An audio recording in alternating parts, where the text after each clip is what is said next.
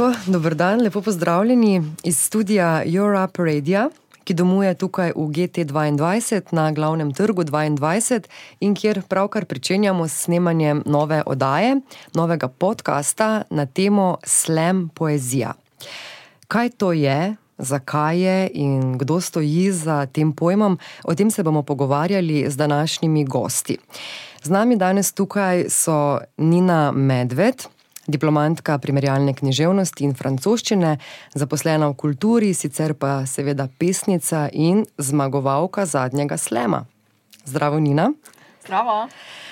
Poleg nje sedi Anka Vidmar, diplomantka slovenščine in nemščine, trenutno poučuje slovenščino na eni mariborskih osnovnih šol in seveda tudi piše poezijo. Zdravo, Anka. Zdravo.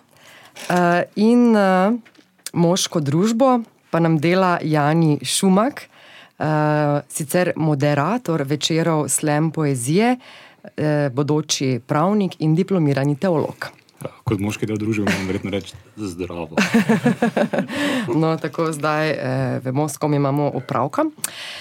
Ja, lepo zdrav tudi, seveda, tonskemu mojstru Dino Čuriču, bolj znanemu v svetu glasbe kot Useless DI, ki trenutno za grško breakbeat založbo Diablo Loco Records pripravlja novo plato. Tako mimo grede, ampak tudi pomembno. Ampak danes se bomo posvetili, kot rečeno, slam poeziji in začnimo na začetku. Nina, zdi se, da gre pri slam poeziji. Za nekaj uh, povsem novega v slovenskem literarnem prostoru, uh, kjer smo, kadar je v spredju poezija, navajeni gostovanja avtorja, s katerim se recimo nekdo pogovarja, on prebere par pesmi, nekdo zaigra na kakšno flauto in potem občinstvo malo številno postavi kakšno vprašanje, ali pa gre za literarne večere, kjer nastopa več literatov, ki jih poslušajo prav tako samo njihovi eh, kolegi, pesniki. No, tukaj pa gre za nekaj povsem drugega, drugačnega. Eh, zanima me, ali je slam poezija nekaj izvirnega, nekaj, kar je nastalo tukaj, v Mariboru, ste si vi to zmislili, ali gre to za nekaj uvoženega? Ja, uh, rekli bomo, da gre za nekaj uvoženega, ni pa to v bistvu čisto novo v Sloveniji. V bistvu daleč od tega. Uh, različni slam dogodki, tuji slamerji. Uh, So že bili v Sloveniji v zadnjih vsaj desetih letih, eh, koliko sem uspela raziskati. Ampak eh, nikoli se pa še ni zgodilo to, kar se dogaja v tem trenutku. In sicer, da ostaja prava slam scena, eh, scena pesniških večerov, malo drugače. In to kar v štirih različnih krajih, trenutno v Sloveniji, ki se že povezujejo do te mere, da lahko govorimo o v bistvu, slovenski sceni, če temu tako rečem. Uh mhm. -huh. Kako se pa je vse skupaj začelo? Kje si ti, recimo, prišla v stik s slam poezijo? Kaj točno pravzaprav to je? Uh -huh. uh, kje se najde slam? Tam, kjer se najdejo vse zanimive stvari na internetu. Uh, slam je sicer precej stara zadeva. Uh, Kaj pomeni sploh ta beseda slam? Zdaj poezija se nam nekaj sanja, ampak slam. Zelo je povezano z začetki. V bistvu, začel se je leta 1984 v Chicagu v Ameriki. Ko je začel Markel Smith, uh, sicer pesnik, se pravi, uh, gospod, uh, zdaj že gospod, no takrat še ni bil, uh, moškega spola, ki bi se pesmi in jih predstavljal pred publiko, in ki se mu je zdelo, da pač nekaj v tej zgodbi manjka, da več ni komunikacije s publiko, da ni več komunikacije z bralcem oziroma poslušalcem. Uh, takrat je zagnal te pesniške večere, ki so izgledali malo, malo drugače, ampak še niso imeli imena Slam. Slam je prišel približno dve leti kasneje. In sicer anekdota pravi takole. Uh, Mark Kelly je ravno gledal bejzbol tekmo, ko ga je klicala novinarka, ki je hotela izvedeti malo več o teh večerjih, ki jih on zdaj pripravlja in kaj lahko oni napovejo uh, v svojem mediju. In ga vprašala po imenu. Zdaj, Mark, Mark je v bistvu vedel, da želi z imenom povedati uh, tudi, kje se, kje se ti večeri odvijajo. Hkrati ga je pa res zanimala tista tekma. Ne? V bistvu se je zelo želel, da bi igralec zaslemal žogico, se pravi, močno udaril žogico in dosegel zadetek za svojo ekipo. In je nekako v tej uh, čudni zmešani situaciji prišel do imena Uptown Poetry Slam, ki v bistvu združuje vse v eni kratki sintagmi. In od tod v bistvu slam. Uh, res pa je, da se je skozi leta potem odkrilo različne, različne pomene uh, same besede. Včasih se povezuje tudi z zaporom, um, ali um, vem, močno udariti, udariti z besedo, um, nekako tako. No. Se pa je ta slam kot tak uh, v bistvu prenesel tudi vse ostale jezike, nikoli ponavadi se ne prevaja. Se pravi, ne govorimo o zadetniški poeziji ali karkoli podobnega, več slam. Eh, Zdaj, eh, dogodkov slem poezije v Mariboru je doslej bilo, eh, čeprav vem, eh, zdaj bo četrti. Tako, Tako? četrti po vrsti. Ja, in sicer 14. julija ob 20. uri v Vetrinskem dvoru. Mm, To bomo danes še nekajkrat ponovili. E, nastopili ste tudi v okviru festivala Lent, tako da ste slemerji že kar malce slavni. No, zanimivo pri tem pa je to, da ste se pesniki, treba povedati, mlajše generacije, eh, zbrali prav v skupino in redno vadite eh, z mentorico, režiserko Tanjo Lužar. Nadeli ste si celo ime Slem zverine. Uh, lahko poveš nekaj več o tem, zakaj delujete v skupini, uh, česa se učite pri Tanji, kaj prinaša ta skupina uh, pomembnega k vašemu nastopu potem? Bistvu, ko se je pojavila neka želja, da bi se začel delati slam v specifičnem Mariboru, smo hitro ugotovili, da, ja, da nas to zanima, da približno vemo, kaj je, ampak piše, kaj mi ne znamo tega početi. Mi se moramo naučiti nastopati s poezijo uh, in nekako preseči te svoje meje. Zato se je najprej januarja organizirala delavnica v, uh, na Mladinskem kulturnem centru Maribor. Uh, po imenu Slamoreznica, na kateri smo se zbrali in mariborski navdušenci nad slemom, uh, pa tudi kamniški, celski, uh, pač vsi smo se povezali v resnici. In tam smo ugotovili, da en vikend tudi še ni dovolj, da bi mi zdaj to znali početi in da se moramo malo večkrat videti. Najboljše enkrat tedensko, redno, in vaditi. In pa smo začeli vaditi, in nismo točno vedeli, kaj, kaj pa zdaj, kaj, kaj naj vadimo, kako naj vadimo, kakšne vaje potrebujemo za to. In smo potegnili v to zgodbo še ljudi, ki nam lahko pomagajo. Ena od teh je Tanja, uh, ki je zelo nadarjena dramaturginja z uh, precej angažiranim smislom za delo na področju poezije. Kar zelo pomaga. Druga naša pomembna pomočnica je pa v bistvu Mojca Pibernik, ki je danes sicer ni z nami, je pa tudi naša druga moderatorka večerov, um, ki, ki nam pomaga izvajati vaje za govor, za ogrevanje govornega aparata, z njo delamo uh, vaje z improvizacije, ki nam pomaga, da se sprostimo pred nastopom um, in tako naprej. Uh -huh. Stanjo pa dosti delamo recimo na izgovorjavi, na dejansko dramaturgiji samega nastopa, uh, na tem, kako ne govoriti naučeno besedilo na pamet kot nek robot, ampak uh, ga povedati z nekim čustvom. Mhm. Zaželeno pri slem poeziji je, da se pesmi govorijo na pamet. Ne? Tudi več točk to prinese potem pri občinstvu in žiriji. Ja, um, dovoljenje je branje. Uh, na naših večerjih sicer velja pravilo, da če bereš, dobiš uh, klobuk za začetnike. Ampak uh, preprosto veš, da ne, ne, neko tveganje, neka nevarnost je v tem, ko greš na oder na pamet in probiš izpeljati to, kar si si zadal. Zaradi tega, ker lahko v katerem koli trenutku pač tvoj nastop propade, če nisi z vso energijo, z vsem zraven.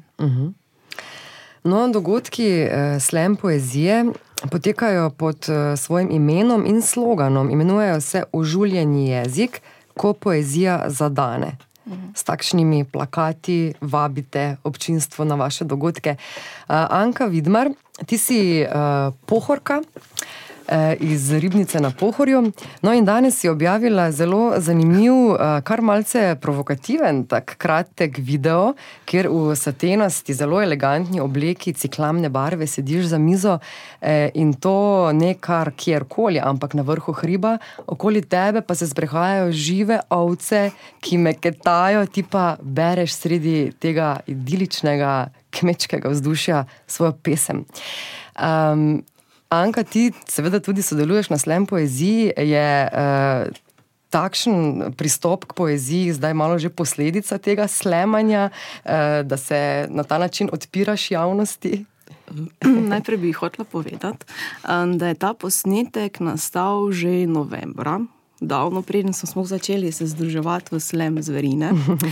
In naslov je sicer kot reakcija, um, ker nekako so mi ti dolgočasni pesniški večeri začeli presedati.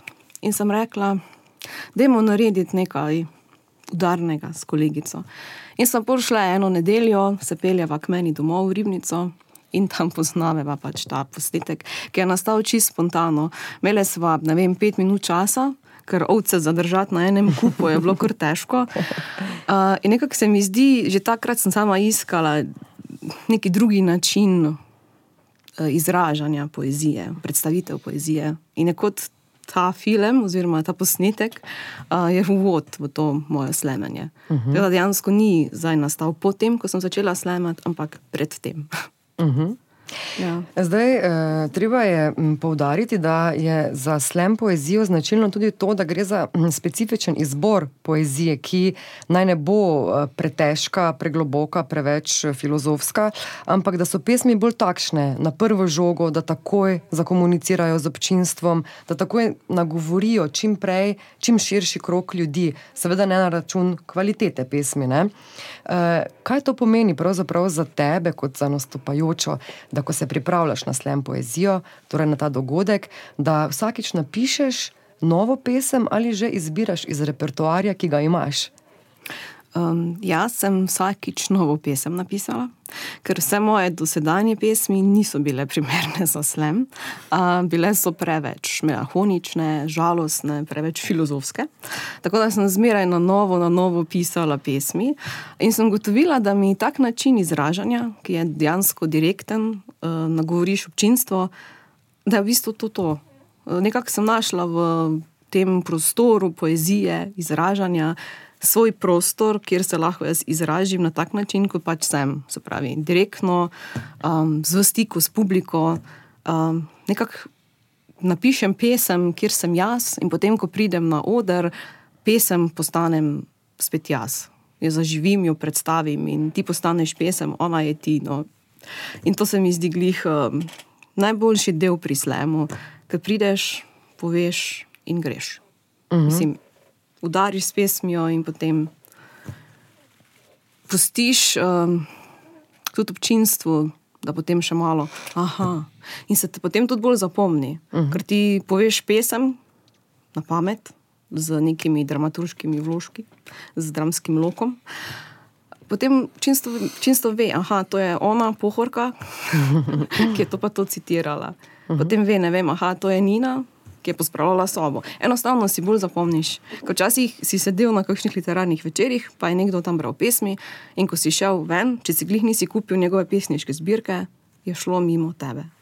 Uh mhm. -huh. Nina, imaš ti podobno izkušnjo ali ko izbiraš eh, pesmi, ki jih boš interpretirala na nastopu, ali misliš tudi na občinstvo že vnaprej, v primeru, kadar pišeš pesem posebej za slem, je potem v tem tudi nek, kako naj rečem, nek kanček manipulacije, da uh, pesem res pripraviš točno za ta dogodek. Mm -hmm. Najprej bi rada v bistvu podarila dve stvari, ker ne bi rada, da, da, da gremo za slemo v eno smer, ki mi pač v, v smer za katero ga ne vidim. No. Več, rada bi povedala, da dosti krat govorimo, slemeri, da uh, sta, uh, klasični pesniški dogodki so pa dolgočasni, pri nas pa ni dolgočasno, vem, mi pa delamo drugače.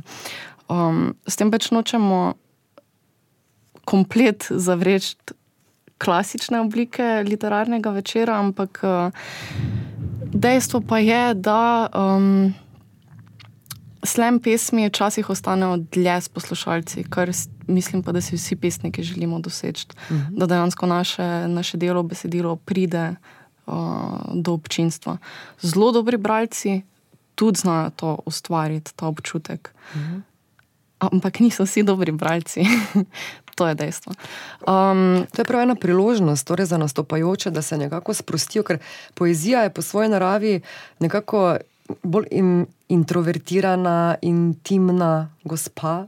Tukaj na odru pa pride ven vsa njena živost in brvitost in življenskost in um, e, drznost. Skratka, je, je na en močnejši način za funkcionira, kar zahteva potem tudi ne samo dobro pesem, ampak tudi dobro izdelan nastop. V čimer se pomakne ta nastop v neko področje, že teatra malo. Se je mhm. težko sprostiti, oziroma kako to ravno s temi vajami, ki si jih prej omenjala, najbrž ne, pa potem tudi vaje doma ali kako. Ja, absolutno. Um, dosti vaj je doma, pred pripravo na skupne vaje in po priprave, po skupnih vajah, kako naj rečem. Uh -huh. um, dosti gre premislekov to in časa. Zato, da ko greš na oder, um, A, ne pozabiš besedila, B, ga ne zdrdraš prehitro in da pač uspeš ujeti vse, vse te neke nivoje ki, ki si jih mogoče zmožen v miru na vajah, ampak ko pa prideš pred dansko publiko, je pa spet to ena druga stvar.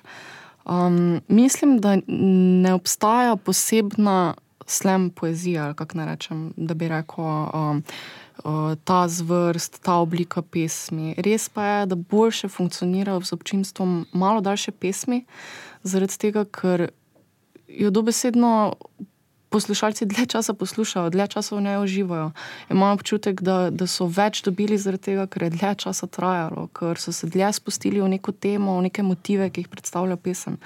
In je pač njihovo doživetje toliko močnejše, kot bi bilo pri hajkuju. Uh -huh. Uh, Jani Šumak je eden od moderatorjev dogodka, torej kar že tudi pove, da um, gre za en uh, organiziran, um, skoraj da malce zrežiran, no, ampak seveda zelo spontan dogodek, ki pa vendarle zahteva moderatorja, ki skrbita, da nastopajoči lažje prebijajo let, uh, hkrati zabavata občinstvo, se šalita, uh, določita tudi žirijo. Eh, skratka, ta večer poezije, slem poezije, poteka po nekem protokolu. Eh, mogoče, če poveš, kaj zdaj so vsa ta pravila od začetka, kdo se lahko prijavi, kako potem poteka, koliko pesmi lahko vsak prebere in kaj je pravzaprav tvoja naloga. Uh, zdaj, pravil je verjetno, koliko hočemo. No? Po mojem, ni zdaj ne obstaja ene fiksne oblike, kako poteka slem večer. Uh, pa tudi jaz se sproti učim, oziroma sproti odkrivamo. Uh, so, pa ne, so pa neke zakonitosti ali pa obstajajo neki elementi, ki se bolj kot ne vedno pojavljajo. Uh, zadeva poteka kot dobro, ja, bitka na nek način ali pa tekmovanje pesnikov. Pa, pa ne zdaj v nekem slabem pomenu, pa ne zdaj, da je to neka nova zadeva, da, da bi pesniki zdaj prvič v 21. stoletju tekmovali. Uh, mislim, vsekakor je mogoče zdaj bolj zabavno, kot je bilo včasih tekmovati kot pesnik. Uh, ampak uh, protokol, če je kakšen, je, da je tekmovanje. Ampak, eh, da, da, bi zato, da bi bilo pa zato res tekmovanje na, na življenje in smrt, pa ne verjetno. No. Uh, mogoče, mogoče, je to, mogoče je to neka forma, ki ljudem paše ali pa, ali pa se najdemo v njej. Jaz, jaz sicer prihajam iz enega čist drugega sveta, kar se gledališča tiče. Uh, jaz prihajam iz impro gledališča. Uh, in, in tam imamo bolj kot ne podobno zadevo, tam tudi imaš ponavadi ekipe, ki tekmujejo med sabo. In imaš spet nek ta protokol, imaš enega moderatora, imaš spet neke sodnike. In zgleda, da je to neka oblika, ki ljudem paše, ali pa je primerna za, za določene kratke, uh, kratke gledališke ali pa odrske, uh, odrske prizoritve, kjer iščeš ta neposredni stik z publiko. Ne? Kjer, uh, Ker želiš to, to neposredno reakcijo, ker načrtno rušiš tako imenovano četrto, četrto steno. Uh -huh. uh, zdaj, Mogoče sem se zaradi tega tu noter našel, no? ker nisem tako uh, daleč od tega, da nimam stika s poezijo, ampak uh, ne vem, če bi kadarkoli si upal nastopati kot, kot slemboj. Mislim, znal bi zagotovo, ampak nimam tega materijala. Kot, kot moderator se pa dosti lažje znajdem, zato ker delam to XY. Ne vem, mislim, da 15 let že moderiram impro, pa, pa igram v impro. Uh, isto mojca, no? uh -huh. uh, ki je danes ni tukaj. Um, Tako da mogoče zaradi tega bila zadeva zanimiva. Kako smo se pa mi odločili, da se tega lotimo, oziroma kako slem večeri tukaj potekajo, oziroma v, v Mariboru potekajo, pa bolj kot ne mislim, da v, v Sloveniji, je, uh, da imamo več krogov. Tako da na začetku, uh, v prvi krog, lahko pride kdorkoli. Kdorkoli se prijavi, kdorkoli ima, rečemo, vse tri pesmi na, na lageru ali pa je pripričan, da lahko tri pesmi potegne iz žepa, če bo pod pritiskom, pa sam stavno odro pred publiko, lahko nastopa. Uh, in potem, glede na količino, do, do zdaj smo večinoma naredili tako, da, da se da se ista količina pesnikov skoraj da uvrsti v, v naslednji krok. Ampak, če bi pa bila slučajno prevelika, oziroma če, če bi se nam zdelo, da bi, da bi bilo treba malo oklestiti, se pa, se pa naredi ena selekcija glede na prejete točke iz prvega v drugi krok. Za zadnji krok pa sta pol samo dva najboljša, glede na seštevek. In nekdo pol zmaga. Uh -huh. uh, poteka pa približno tako, da prva dva kroga, za prva dva kroga imamo žirijo. Žirijo na ključno izberemo iz občinstva. Uh, probamo jih, jaz pa mojce jih probamo vzeti uh, čim bolj, koliko se da na ključno, no, da je zdaj en, v enem delu občinstva, drugi v drugem delu, tretji pa spet nekaj, če z druge sedi. Uh, in na začetku, so, na začetku so ti sodniki simpatično uh, razštelani. Res, uh, In malo tudi, oziroma nekako smo se dogovorili, da, da je dobro, da jih, eh, da jih uvedemo na ta način, da ali mojca ali pa jaz pripravimo eno pesem in jo eh, preberemo ali pa zrecitiramo ali kakorkoli pač. In sodniki ocenijo, oziroma podajo ocene, in te ocene so ponovadi uh, zelo stroge in zelo neusklajene. Uh, ocene pa podajo tako, da imajo kartončke z ocenami in samo pokažejo moderatorju uh, oceno ki se jim zdi primerna za to pesem. Mi dva jih pol zapiševa, pa seštevava, pa probava čim manj obremenjevati publiko z tem. Skratka, in prva dva kroga potekata na ta način. Pride pesnik, pesnica na oder, prebere, oziroma po možnosti izrecitira, oziroma pove svojo pesem, uh, sodniki ocenijo, in naslednji, in naslednji, in naslednji. In tako naprej, in dva kroga gre tam mimo, na koncu najboljša dva. Oziroma, zdaj smo enkrat imeli, da, smo, da so bili tri. Na zadnjem večeru smo imeli tri, ki so imeli povsem isto število točk. Uh -huh. uh, v zadnjem delu pa publika izbere zmagovalca, ta način pač za koga bolj ploska. Ne bolj glasno, presenetljivo, čeprav to ponovadi ljudje mislijo, da če se bolj derajo, da je to to. Uh, za tistega, ki je dejansko več ljudi ploska. In na zadnjem je bila to Nina.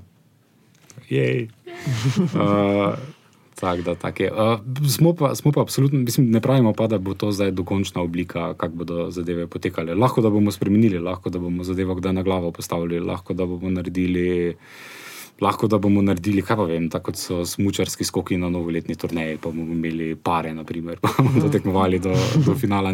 Grand Slam. Ja, op, opcije, opcije malo morje. No. Zdaj, edino za, za, za državno prvenstvo bomo verjetno mogli zadeve standardizirati, sklepam, da, no, ampak kar se teh mariborskih večerov mm -hmm. tiče, pa sklepam, da bomo jih prilagajali. Zdaj, zaenkrat je ta oblika. Prvi krok, kdorkoli, drugi krok, načeloma kdorkoli, razen če vas je preveč.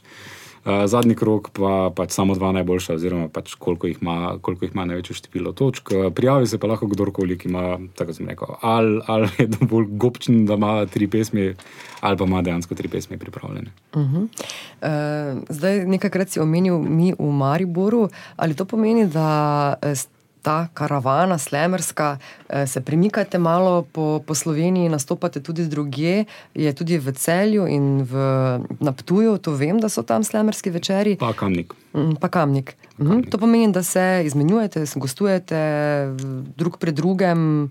Mm. To je gledano, da sem jaz moderatorska sekcija.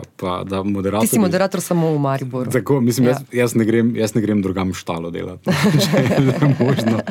Uh, da, uh, vem, pa, vem pa, da je sodelovanje. No, pa mogoče bi Nina lahko absolutno več o tem povedala. Uh mhm. -huh. no, med med tem lahko povem, da bomo uh, potem kasneje po telefonu poklicali tudi Kristjana Koželja, ki je iz celja in veliko krat pride v Maribor in, in se udeležuje teh slemerskih večerov. Kaj pa obratno, Nina, greš ti tudi tekmovati kam drugam, Nanka? Ja, vsi v bistvu hodimo na okolje, no, uh, po vseh teh krajih, ki smo jih našteli. Uh, najprej bi rada povedala, da, da so ravno v Kamniku in pa na Ptuju prvi začeli, če tako rečemo, že v jeseni 2015. Um, in potem, ko smo se mi začeli v Mariboru pogovarjati. Tam januarja, da bi tudi počeli slem. Nam je briš, v bistvu prišlo na vhod, da se pa na Ptuju in pa v Kamniku že nekaj odvija. Kakšno na ključe je to, da smo tako intuitivno vsi zaznali, da je to pravi trenutek, da se začne to dogajati. Hmm. In uh, smo se povezali, našli smo še Kristjana uh, in pripeljali še celje v to igro. Uh, Načeloma smo si tudi želeli začeti zadevo v Ljubljani, ampak eh, zaenkrat še nismo čisto tako daleč. No? Ampak tudi Ljubljana je nekje v tej sliki um, akter. Je pa bila Anka uh, na Ptuju ne? in se je predvsej dobro odrezala. Boš mogoče povedala, kako je bilo? Ja. Jaz sem bila na Ptuju, kot je Dina že povedala. In sicer uh, predvečer, preden smo mi imeli prvi slem v Mariboru, šla sem tja bolj, da vidim, kako to poteka, pa kot neko generarko pred mojimi nastopi v soboto. Uh, in je bilo fajn, takrat že mi je bilo, wow, super, to je to. Uh, no, takrat je bilo res presenečenje za mene. Imela sem samo dve pesmi pripravljeni in smisla, da nam prišla bolj davčko do mislim, citiram dve pesmi, pa je to to. Potem pa sem prišla v polfinale in sem mogla tam še improvizirati tretjo pesem. Um, in mislim, zato ker je bila improvizirana tista pesem, je tisto ostalo finala. Ampak dobro, nikoli ne veš pri teh slemih, kako uh -huh. se pač uh, odloči žirija. In na koncu občinstvo. Ja, ja. ja. Uh -huh. Uh, ja Jani. Uh, dobra pesem, kot smo rekli, ne, še ni vse, kar pripriča občinstvo. Namreč pomembna je ravno ta izvedba, koliko nekdo potem na en uh, sproščen, simpatičen način uh, se zna prikupiti, oziroma se prikupi občinstvo tudi zaradi tega. Um, Ali ti opažaš, zdaj, ko že tudi si večkrat vodil te večere, eh, se vedno bolj sproščajo, se vedno bolj odpirajo pri interpretaciji poezije, ti eh, pesniki, ki jih zdaj tudi že poznaš, eh, torej Slem Zverine, koliko vas je v skupini, to je že več kot deset članov, ima skupaj pa tu nekje. Ne? Mm, poleg vaju dveh še Tonja Jelen, pa Gregor Lozar, Ariela Herček in uh, se upravičujem teh, ki bom jih zdaj spustila, boš potem še ti povedala Nina. No, ampak uh, uh, pa Gregor Stamejčič, ne grizli. Uh, No, in ko že zdaj ravno to grizli, medved in tako dalje, od tod slem zverine, ker, ste, ker, ker imate takšne zverinske primke vsi. no, um, Jani, ja, kaj se ti zdi, so vedno bolj sproščeni ali še vedno nastopi tista, tista trema na začetku, ki jo je potem do konca nekako se potem razbije? Ne, mislim, jaz upam, da ne bodo nikoli brez treme. To, to je najbolj grozna zadeva. Greš, mislim, to, to se zgodi, če več let nastopaš, pride kdaj čuden trenutek, ko nimaš treme, ko greš na oder. In mm. to je, po mojem, najslabše, kar lahko narediš, ker, ker ti je absolutno vseeno, kako bo zadeva potekala. Trema, trema je malo ta odgovornost, ki jo začutiš, da si na odru. No? Ker ko si na odru, si dejansko odgovoren za težko reči, no, ampak za nek svet, ki, ki se zgodi tam noter, no, karkoli je, ali je to za ena gledališka zadeva, ali, ali, je to, ali je to poezija, sploh ni važno, ampak mm. spremeš to odgovornost. No. Uh, in če hodiš na kakšne bolj resne gledališke delavnice, ti, ti na zelo brutalen način pokažejo, kako ta odgovornost uh, zgleda v praksi. Je uh, srhljiva je in ne smeš tega zgubiti. So pa bolj sproščeni, če je to vprašanje. Ja, dobri so, do, dobri so nek občutek za oder. To, kar sem goče na začetku, to, to kar je Nina začela prej. Uh, ja, e, eno je, da imaš rad poezijo poezijo, ali pa da hodiš na literarne večere, drugo pa je, ko hočeš sam zadevo interpretirati. Uh, da, ampak, ampak kaj, se tiče, kaj se pa tiče tega, ali, ali je nastop pomemben, da, da zmagaš, po, po mojem, ne, jaz, jaz, mislim, to, jaz mislim, da je to malo na nek napačen način razumevanja poezije. Meni je zanimiva zadeva pri slem, pri, pri slem večerjih, pa, pa ta stvar me, me je takoj pritegnila.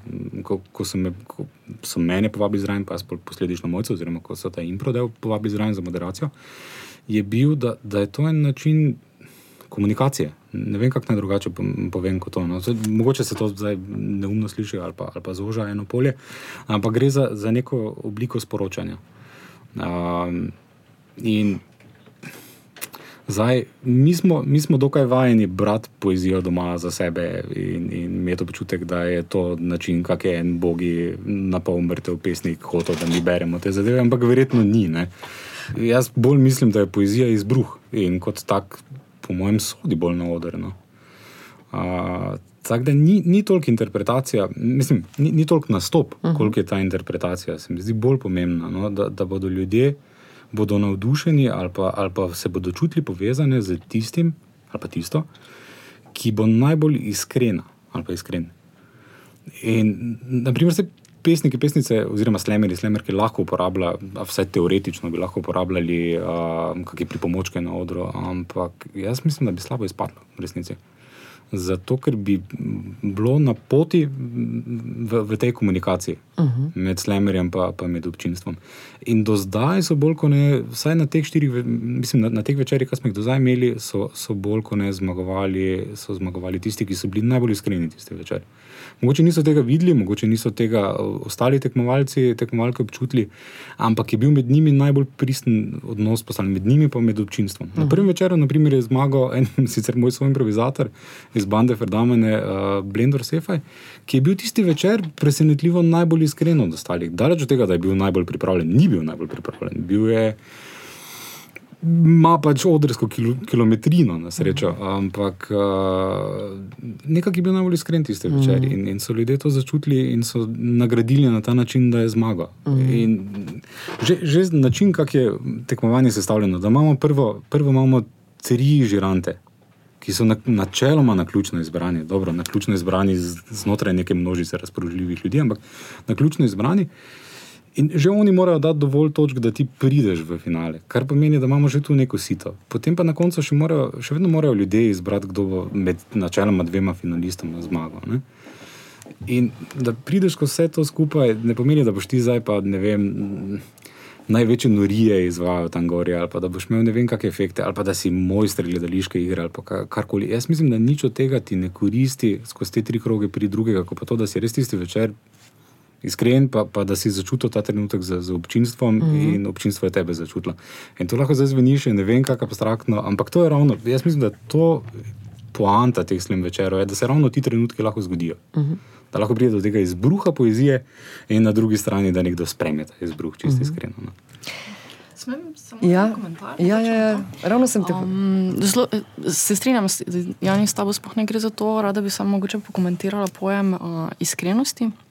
Mm, absolutno gre za, če govorimo o iskrenosti v slemu, za, za ta stik z občinstvom, za neko magijo, ki se tam splete. Ampak um, ne bi pa rada, da se razume to iskrenost kot uh, jaz iskreno povem nekaj, kar sem v resnici čutil. Um, plis, ne ne prihajati brati svojih dnevnikov, če veš, kaj mislim. Um, eno, je, eno je zasebna, intimna uh, iskrenost do samega sebe in kako so se vem, določene stvari recimo, v resnici zgodile. Um, naloga poezije pač ni tukaj uh, natančno beleženje um, nekih dogodkov, kako naj rečem. Um, besedilo, ki je, mora biti iskreno na ravni besedila, oziroma na ravni nastopa, um, iskreno v, v poetičnem smislu. Se pravi, pesnik mora tudi najti prava sredstva, prave načine, kako izraziti določene stvari, um, ne samo povedati zelo natančno, kot je bilo. Hvala, hvala za ta komentar, ja, in hvala tudi Jani.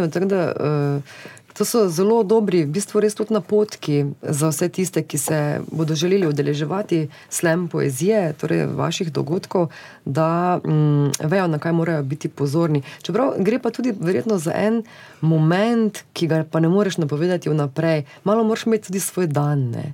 Ker se spomnim, bila sem na zadnjem tem slem dogodku v vetrinskem dvoru in spomnim se ene punce, ki je vse čas nekako zbujala občutek, dajala je vedeti, da, da se zaveda, da bo zmagala.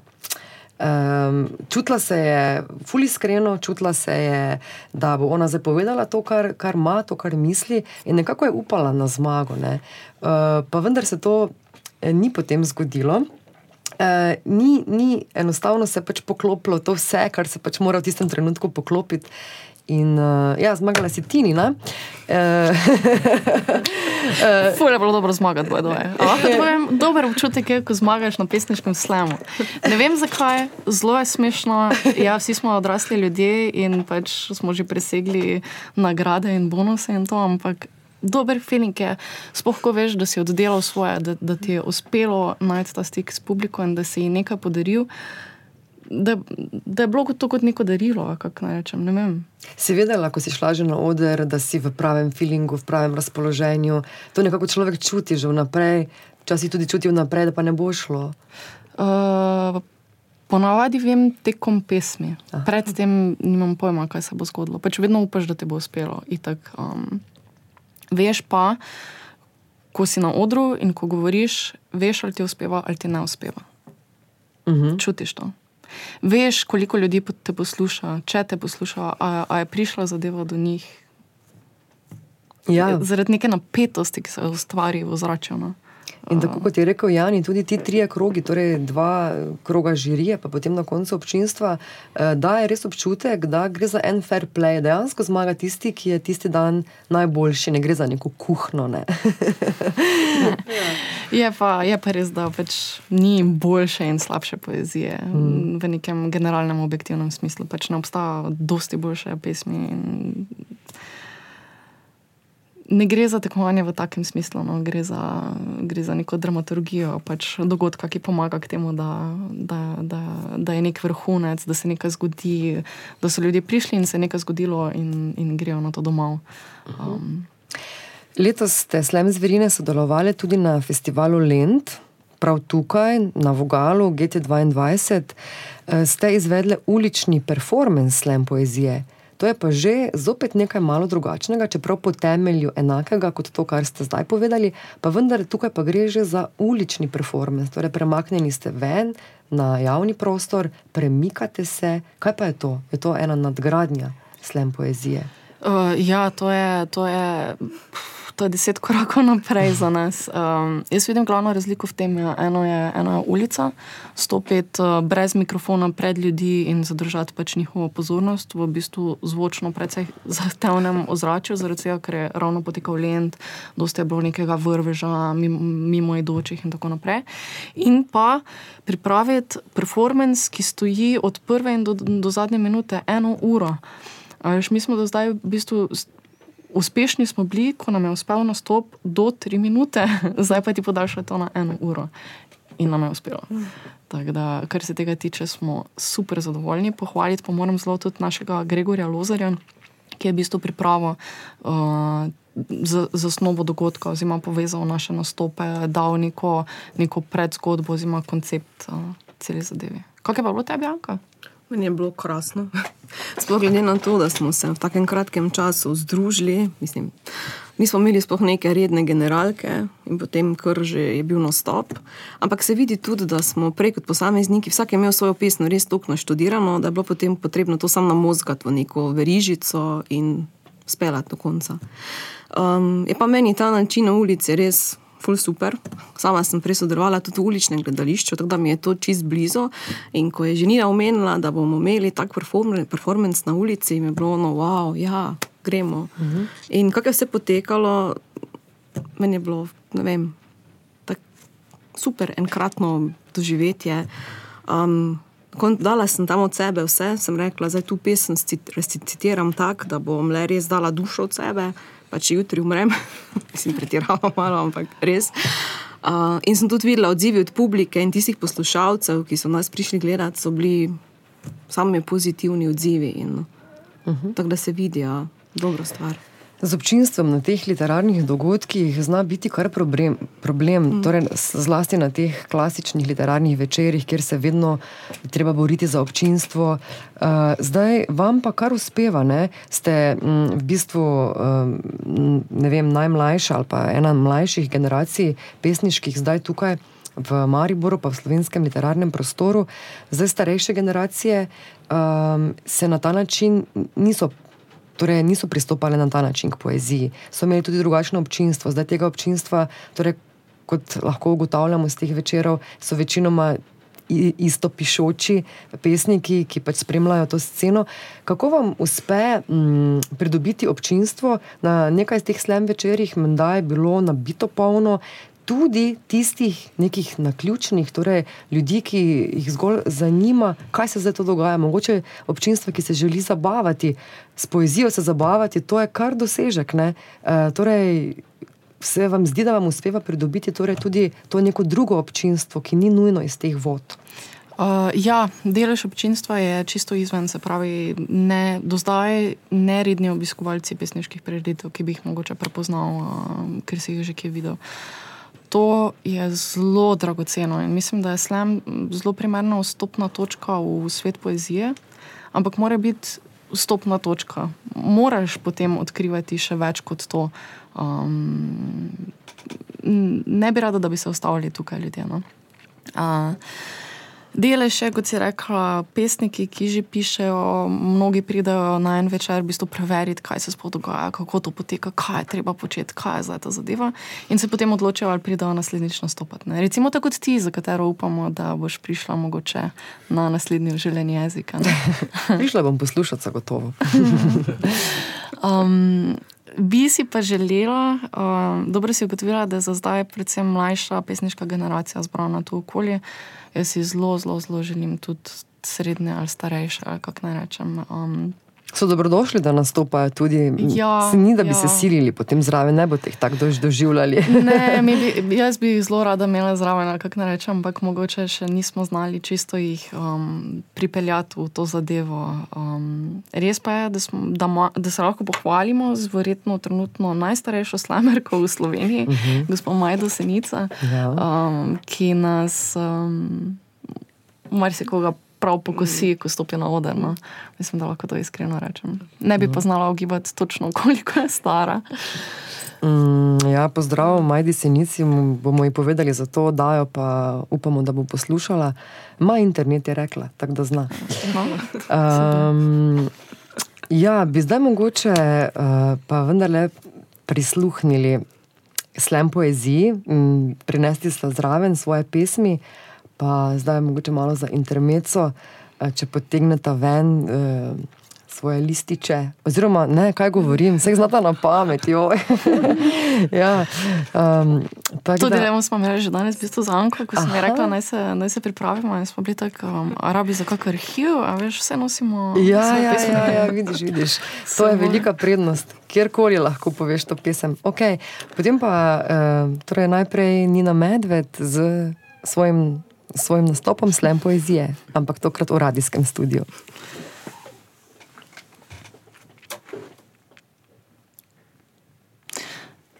V svet gori zate, Sara Mejal. V svet gori zate, ko se spravljaš spat. Zaradi strahu pred temo ti puščamo luč prižgano v majhnem globusu na nočni marici, ki si ga ne mara dobila za rojstni dan, božič ali pa zajčka. Ves svet gori zate, Sara Mejal. Njegove reke se bistro svetijo nad toplo svetlobo žarnice. Njegova morja valujejo, ko se majhen globus vrti okoli svoje osi, tik poleg tvoje glave, ki težko od zaspanosti premleva dogodke dneva. Danes si šla s prstom preko vseh celin skoraj istočasno. Tvoj, tvoj kazalec je bil potni list za vstop v vse pokrajine sveta, ko je krožil. Evropa, Rusija, Kitajska, Severna Amerika, Južna Amerika, glej, tam dol je še bela Antarktika, ki je že dolgo nihče ni pobožal s potovalnim kazalcem. Pa vsa ta majhna otočja, ki se bočijo iz morja kot napihnjeni trebuhi kitov. V svet gori zate, Sarameja. Ta večer in naslednji, vse dokler ne boš dovolj velika, da bo luč domišljije le še brlela in bodo z njo izginili tudi strahovi. A zdaj zaspi. Do jutra se nimaš česa bati. In oče in mamica sta v sosednji sobi. Indijanci, francozi z baretkami, eskimi in kitajci s poševnimi očmi. Vsi bojo potrpežljivo počakali na tvoj potni list, da se znova vrne. Zato le zaspi. Sara Meal. Zaspi.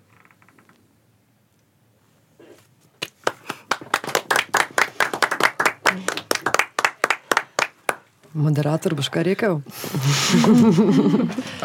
ja, načeloma je bilo en aplauz za Nino. No, pa še en aplauz za Nino.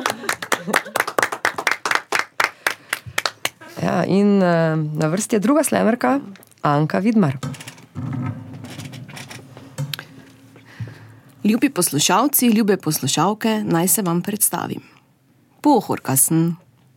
Sem pohorka, ker moje oči radovedno opazujejo svet in se čudijo, da se v mestu ne vidi dlje kot v zrak.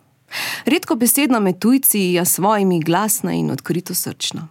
Svoje prijateljstvo sklepam po kozarčku vina ali mošta, rahlo pita postanem na moč za vpliva, a že naslednji dan pozabim na vsa sklenjena prijateljstva prejšnjega večera. Zaradi svoje praktičnosti, poštenosti in preprostega uma prevečkrat pozabim na nepotrebno administracijo in uradnike. In točno ne vem, kje se konča moja parcela in začne sosedova. Za politično-moralna vprašanja se ne zmenim, saj me vodita prirojena inteligenca in samo svoja volja. Sodobni politični nazori so mi tuji, ker stvarjam v svojih konzervativnih prepričanjih in vraže verjih. V jedru, v jedru pa sem moškega značaja, po načelu. Naredi sama. Iz ust mi z lahkoto vidijo besede, je bem ti fukeno zafukano frasica svija tele. Pa sem res pohorka. Vseh letnih cajtih vozim reli po gošnih cestah in se na tridnevnih kolinah najem pečene karvi in pa fule za košnate klabose. Še najbolj pa sem pohorka, ker na mesto roka rečem raka, na mesto noga rečem naga, na mesto voda rečem vada. Jojo, to kamar zla vada pač ni za moje žgeče nage. Bravo.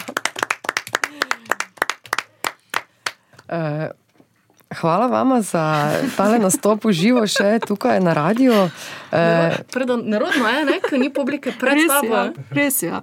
Je drugače. Čist drugačen ja. feeling. Ja. Plus tega še sediš, navajen sem, da sem do skretnjami in potem tu sediš statično in je tako kr, je kr. Uh -huh. Drugačen občutek. In zdaj smo dobili v tem trenutku tudi že zvezo s celjem oziroma z Kristjanom Koželjem, ki je prav tako slemer. In Kristjan, zdravo. Zdravo, lepo zdrav. Mogoče, kje smo te zdaj zmotili, kje smo te ujeli? Pa evo, trenutno sem še v službi v osrednji knjižnici celje, uh, zato tudi nisem mogel uh, osebno priti, ker popovdne delam ta teden in uh, počasi, počasi pa končujem tudi službo za danes. Mm -hmm.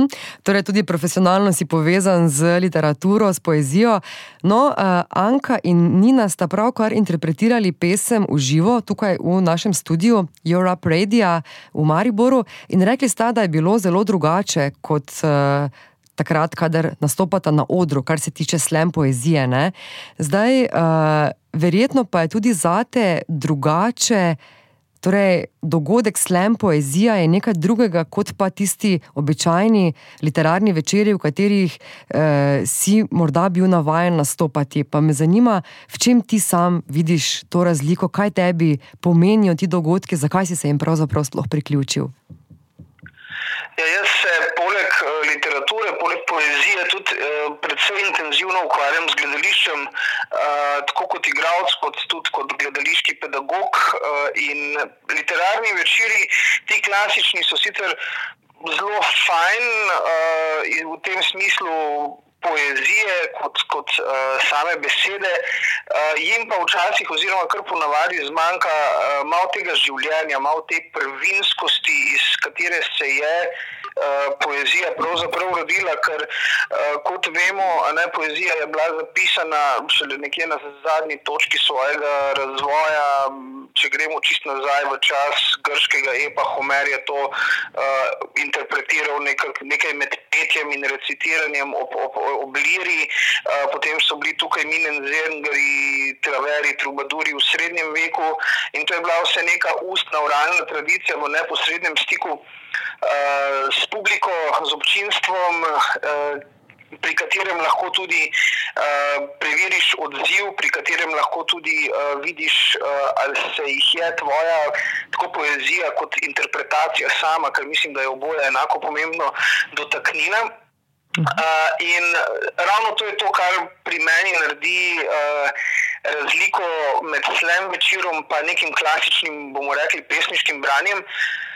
Ki, uh, bomo rekli, da doskrat, ne bom rekel ravno sam sebi na meni, to bi bilo kruto, ampak doskrat je avtor tam tako osredotočen na samega sebe in na svojo poezijo, da pravzaprav na tiste, ki jim prebira, ki jim je beseda namenjena pozabi, uh, pri slemu si pač tega ne moreš prvoščiti, ne? ker uh, si na pamet, ne interpretiraš, kar pomeni, nimaš raznih distrakcij, pogledov, papir in tako naprej, in ti je pravzaprav stik z očmi poslušalcev, občinstva, tisti osnovni orientir, na katerega se lahko uh, primeš, obesiš in ki te v končni fazi lahko ali povzdigne ali pa pokoplje, če nisi v pravi formi. In mislim, da je to tisti. Uh, Ta, ta občutek, bom rekel, tudi malo adrenalina, uh, malo te odgovornosti, malo neke zdrave treme, ko greš podajati svojo pesem, uh, tista stvar, ki je pri meni naredila to ključno razliko in me prepričala, da se je vredno pridružiti slemu. Uh -huh. Povej še, kako je ta literarna scena, torej slem poezija, razvita v celju, vas je že dosti, tukaj v Mariboru so slem zverine, vedno več jih je, kako je pa pri vas s tem? Ja, v celju smo junija začeli, uh, sicer smo hoteli že maja izvesti eno delavnico, tako osnovno, kot je bila februarja v Mariboru in na kateri sem bil tudi sam, ampak se je potem ugotovil, da je konc maja zelo neprimeren datum uh, zaradi uh, zaključevanja šole. V celju je mogoče, ne bom rekel ravno problem, ampak je da specifika, da nekako nimamo študentske publike, smo bolj odvisni, oziroma ne samo publike, tudi študentske populacije uh, pesnikov, ampak smo bolj odvisni od dijakov. Uh, tako da smo potem v juniju izvedli prvi slam večer, na katerem smo nastopili, če prištejem še Grizlija, uh, trije celjani. Uh, ampak uh, v prihodnjem letu jaz močno računam, da bo zadeva zaživela. Nekaj mladih pesnikov se je po tem prvem večeru že zelo navdušenih uh, oglasilo. Uh, in uh, dobro sodelujemo z gimnazijo Celje Center, ki je zelo, zelo, zelo odprta za razne umetniške projekte. Uh, tudi v sodelovanju z njimi bomo potem v septembru resnično izvedli delavnico. Uh, in jaz mislim, da se slemo v celju obetajo kar dobri časi. No. Sploh potem um, pred izborom za državno prvenstvo, pa mislim, da bo. Uh, zadeva res zaživela. Uh mhm. -huh. No, držimo pesti, da bo se ta scena tudi v celju razvila, v Mariboru vedno več navdušenega, tako občinstva kot nastopajočih. Uh, prideš v vetrinski dvor 14. julija, v četrtek. Ja, no, se vidimo torej tam. Hm, hvala, Kristjan, da si bil z nami po telefonski zvezi, mi pa se vračamo tukaj uh, v naš studio. Adijo. Adijo, hvala. To je bil Kristjan Kožel iz Celja, pesnik, na zadnje tudi finalist Slam turnirja v Mariboru, tudi sicer finalist eh, pesniškega turnirja Vitez poezije v Mariboru. Eh, zdaj pa nadaljujemo z našimi gosti tukaj v studiu. Anka in Nina, kaj vam je prineslo sodelovanje pri Slam poeziji, kakšen napredek opažate pri sebi?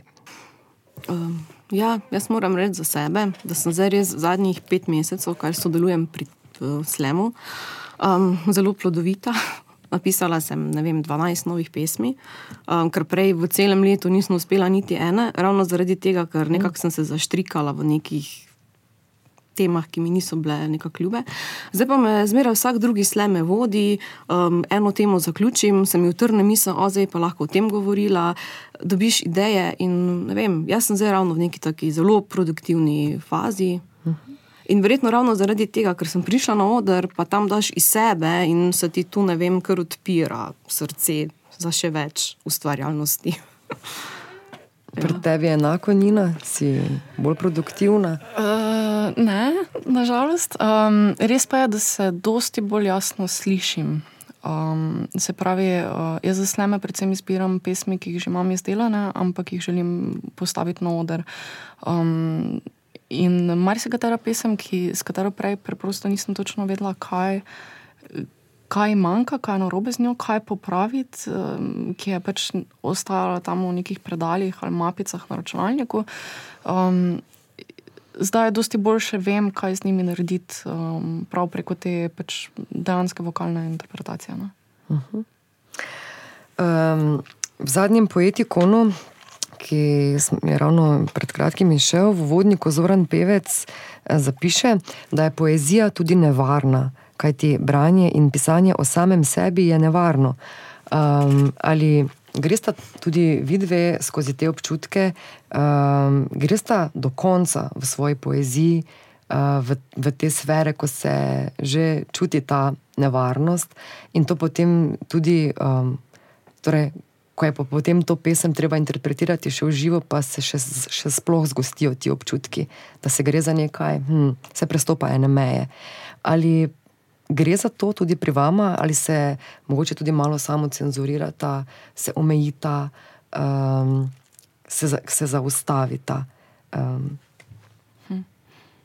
Hmm. Ali gre ja. mogoče pri tej slem poeziji, pa vendarle, da, se, da je poezija tukaj mogoče malo uh, lahkotnejša, oziroma ne tako nevarna v tem smislu?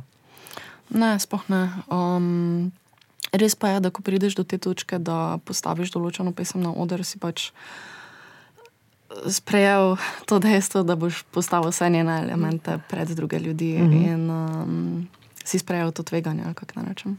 Mm -hmm. vedno, vedno so stvari, ne vem, ne vem kaj naj dam uh, kot primer. Um, lahko so to čist, čist banalnosti. Um, Mm, ko si zdaj ravno rekel, okay, da, da, uporabiš, da uporabiš določeno besedo ali pa da spregovoriš o določeni besedi, je lahko zelo, zelo težko, pa ne znaš pojasniti, zakaj.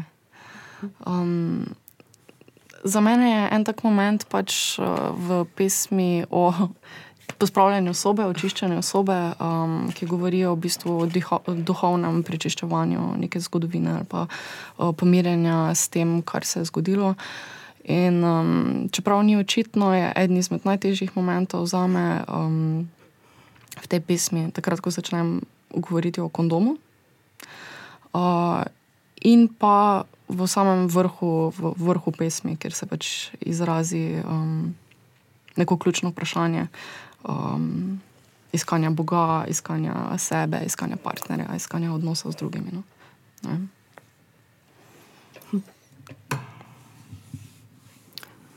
Jaz v bistvu tudi imam kar največ pomislekov, sem imela pri pesmi, ki sem jo pač um, Johnny Walker, pri kateri sem tudi pela na začetku. In to sem, še preden sem stopila na oder, smisla, a bi zdaj jaz to izpeljala ali ne. Um, to je bilo meni res, nisem še v življenju pela pred publiko, vsi so mi govorili, da imaš v redu glas, pa probaj. Ampak je bil to za me tako tak intimni trenutek, da bom pa zapela, da sploh ne vem, če bi to podelila s publiko ali ne. In potem sem pač zapela, gledam publiko, so bili vsi tako resni, pa sem mislila, jo, zdaj sem tako vse čist mimo zapela. Ne?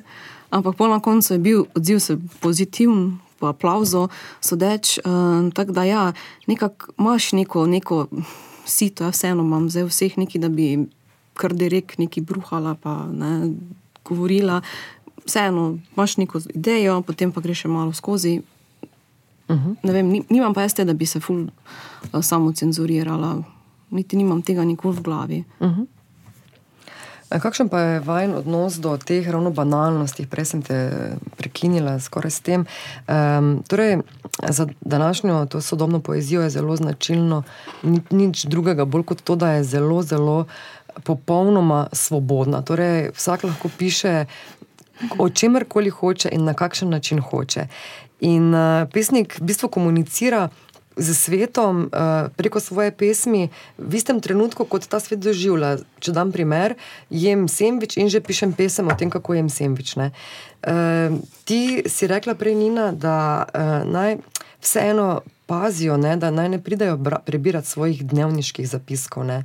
Kakšen pa je tvoj odnos ravno do tega, um, torej opisovanja teh vsakodnevnih banalnosti, uh, od hrane do nekih dogodkov, uh, obiskovanja ne vem, um, nekih mest, skratka teh drobnih, tega mikrokozmosa.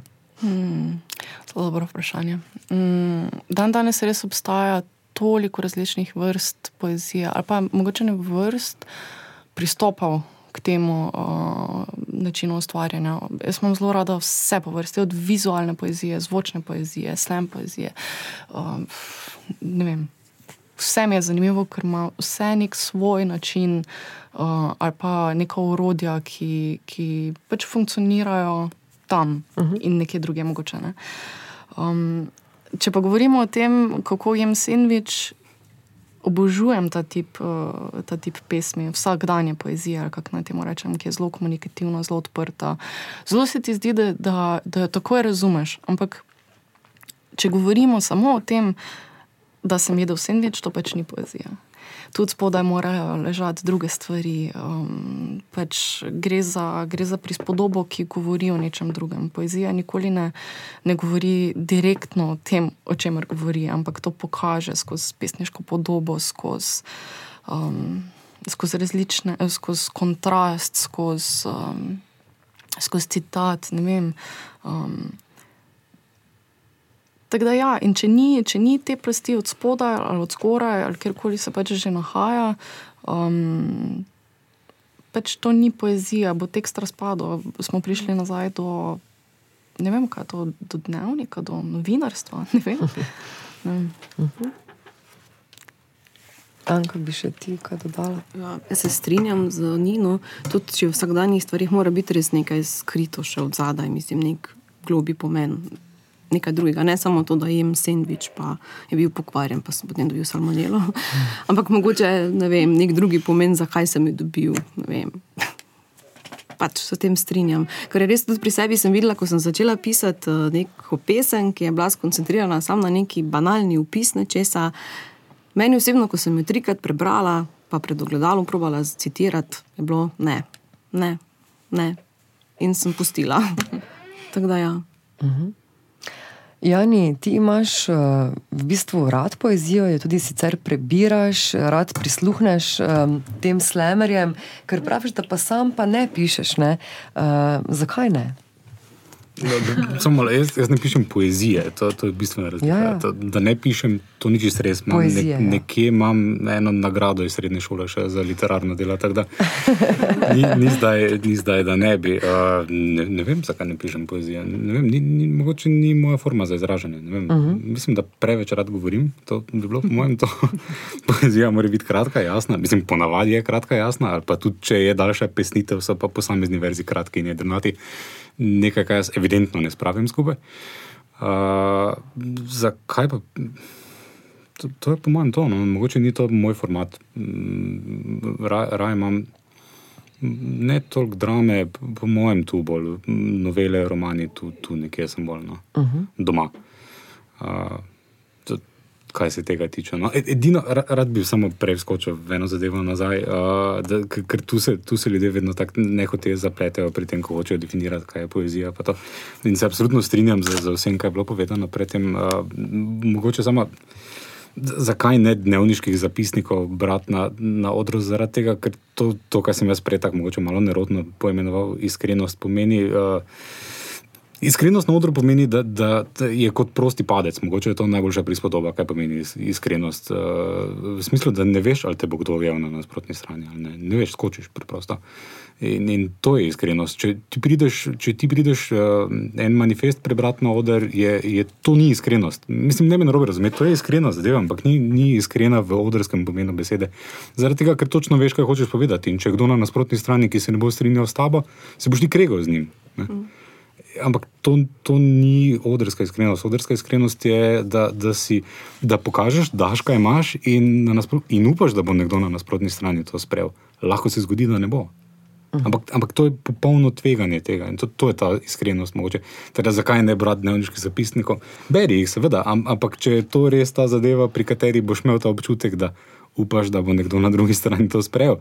Če greš to samo na oder, brat, zaradi tega, ker se ti zdi to zabavno narediti, ali pa ker ti je to totalna za, zajbancija, ali pa zaradi tega, ker ti hočeš pa tam noter povedati, kaj pa jaz vem, da bi mogli celotno premoženje razdeliti vsem ljudem, pa ukini denar.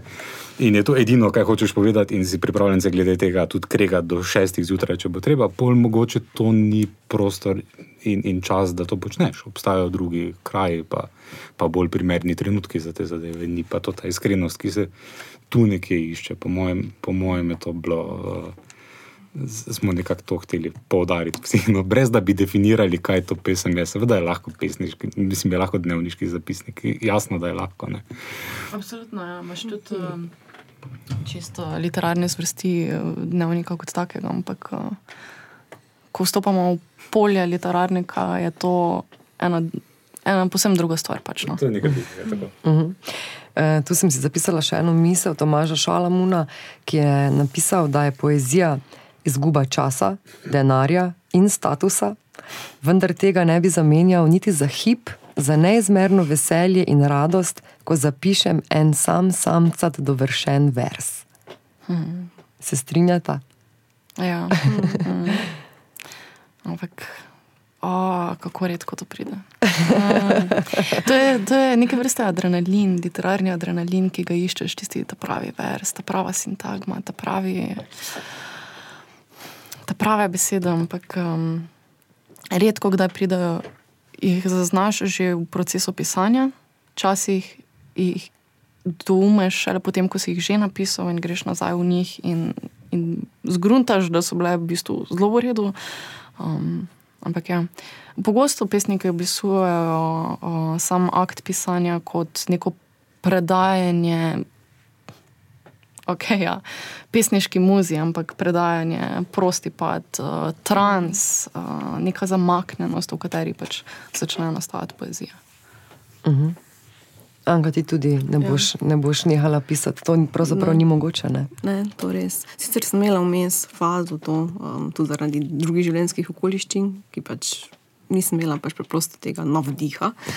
Um, ampak ne, ne. ugotovila sem, da je moj medij, um, s katerim se izražam, dobro na mene vpliva, ker odkar sem pri slem zverinah, le so meni prebujajo same dobre stvari in sem vesela, ja, da sem tu. Moram pa reči tudi, ja, ko zapišeš ta vers, je res čutek neverjeten, pa pol tudi, ko ga prineseš na oder, uh, publiki poveš, je še pa druga doza tega neverjetnega. -hmm. To bi sam še dodala, mogoče. Mm -hmm. Torej, res uh, velja povabilo za vse pišoče, ne pišoče, pismene, ne pismene, da pridejo na slem poezijo, torej v četrtek, 14. julija ob 20. uri v Vetrinski dvor. Je kakšna vstopnina? Uh, ja, stopnina simboličnih 3 evrov za poslušalce, uh, če bi se pa kdo odločil nastopiti, pa je vstop prost. Aha. No, zdaj, ko si rekla, da je vstopnina, namreč to, to je nekaj povsem običajnega v tujini. Recimo, zbrskala sem podatek, da v um, torej klubu Substanc v Münchnu. Mhm. Eh, Tam potekajo ti slem večerji že 15 let, ker so se potem iz Amerike najprej prenesli v Nemčijo, ne, München, Hamburg pa Berlin. No, in poprečno 400 do 500 obiskovalcev je tam na teh slem dogodkih. Medtem ko so fi, te, ti uh, finalni krogi, pa so že tedne vnaprej razprodani. Ne samo razprodani. Uh, na Nemčija ima v bistvu germanofono sceno, povezano sceno mm, in imajo skupno prvenstvo z, če se ne motim, z Avstrijo, Luksemburgom in pa za mogoče na robe rekla še Švico. Skratka, ne obsega samo Nemčije, to je dejstvo, in na finale pride, um, upam, da bom zdaj povedala tudi pravo številko, 10 tisoč ljudi. na poezijo, na poezijo. Na poezijo. Ni to noro. To je hmm. nevrjetno za naš prostor, ne se ja, sliši. Absolutno. Um, no, jaz upam, da imate vi dve pripravljeno še kaj na zalogi s čimer bi tudi končali um, to današnjo oddajo, ta podcast, prvi literarni podcast, ne Dino. Tako da hvala, ker ste bili gostje v prvem literarnem podkastu Europe Radio na GT2. Pa končajmo torej s poezijo, s slem poezijo, pa bo zdaj začela Anka Vidmar in končala Nina Medved. Vračal si se špila z Avstrije, prespal si pri meni. Ni mi bilo všeč, da igram v drugi ligi tvoje ljubezenske ekipe, rekla pa nisem ničesar. Že dolgo nazaj si me zdresiral, da glodam drobtinice na rezervni klopi življenja. Čeprav si v roki vzel inštrument in en zaigral, Anuška, pesem napisano samo za me, pekoče brbotanje v želodcu ni pojenjalo. Poslušala sem in v vrtincu nagonov, perverziji in lakomnosti pristala na dvoboj med rjuhami. Vsak to je sunek, ki je rezal srce kot narodne roke kirurškega pripravnika. Vsak to je dotik, ki je žgal kožo kot jeklo kožo mladega telička. In vsaka beseda je v mislih pletla novo dramo. o končnem žvižgu, izbruhu barv. Od vijolične do svetlo-oranžne, od oranžne do sinje, modre in od modre do bele si zaspal. In tvoje dihanje se ujemalo za igrano melodijo življenja, v kateri si na piedistalu stal ti. Jaz pa sem ti spomin polagala vence iz regratovih lučk in pela hvalnice tvojemu inštrumentu. Von kave me je prebudil. Prvi jutranji poljub pa je prebudil metulje in ponovno me je zvilo. Vse so poljubi metulji poleteli naravnost v glavo, naravnost na cvet. In zopet si rezal, koža je pekla, misli so letele. Naglo si se poslovil, zato sem zajtrk pojedla sama, umešana jajca in grenjuk in sok. Medtem ko si ti premagoval kilometre do obale, sem jaz premagovala občutke in jih tlačila v guljene verze ljubezenskih pesmi. Ne morem si pomagati, ne morem odnehati, tako zelo ljubim tvoj inštrument.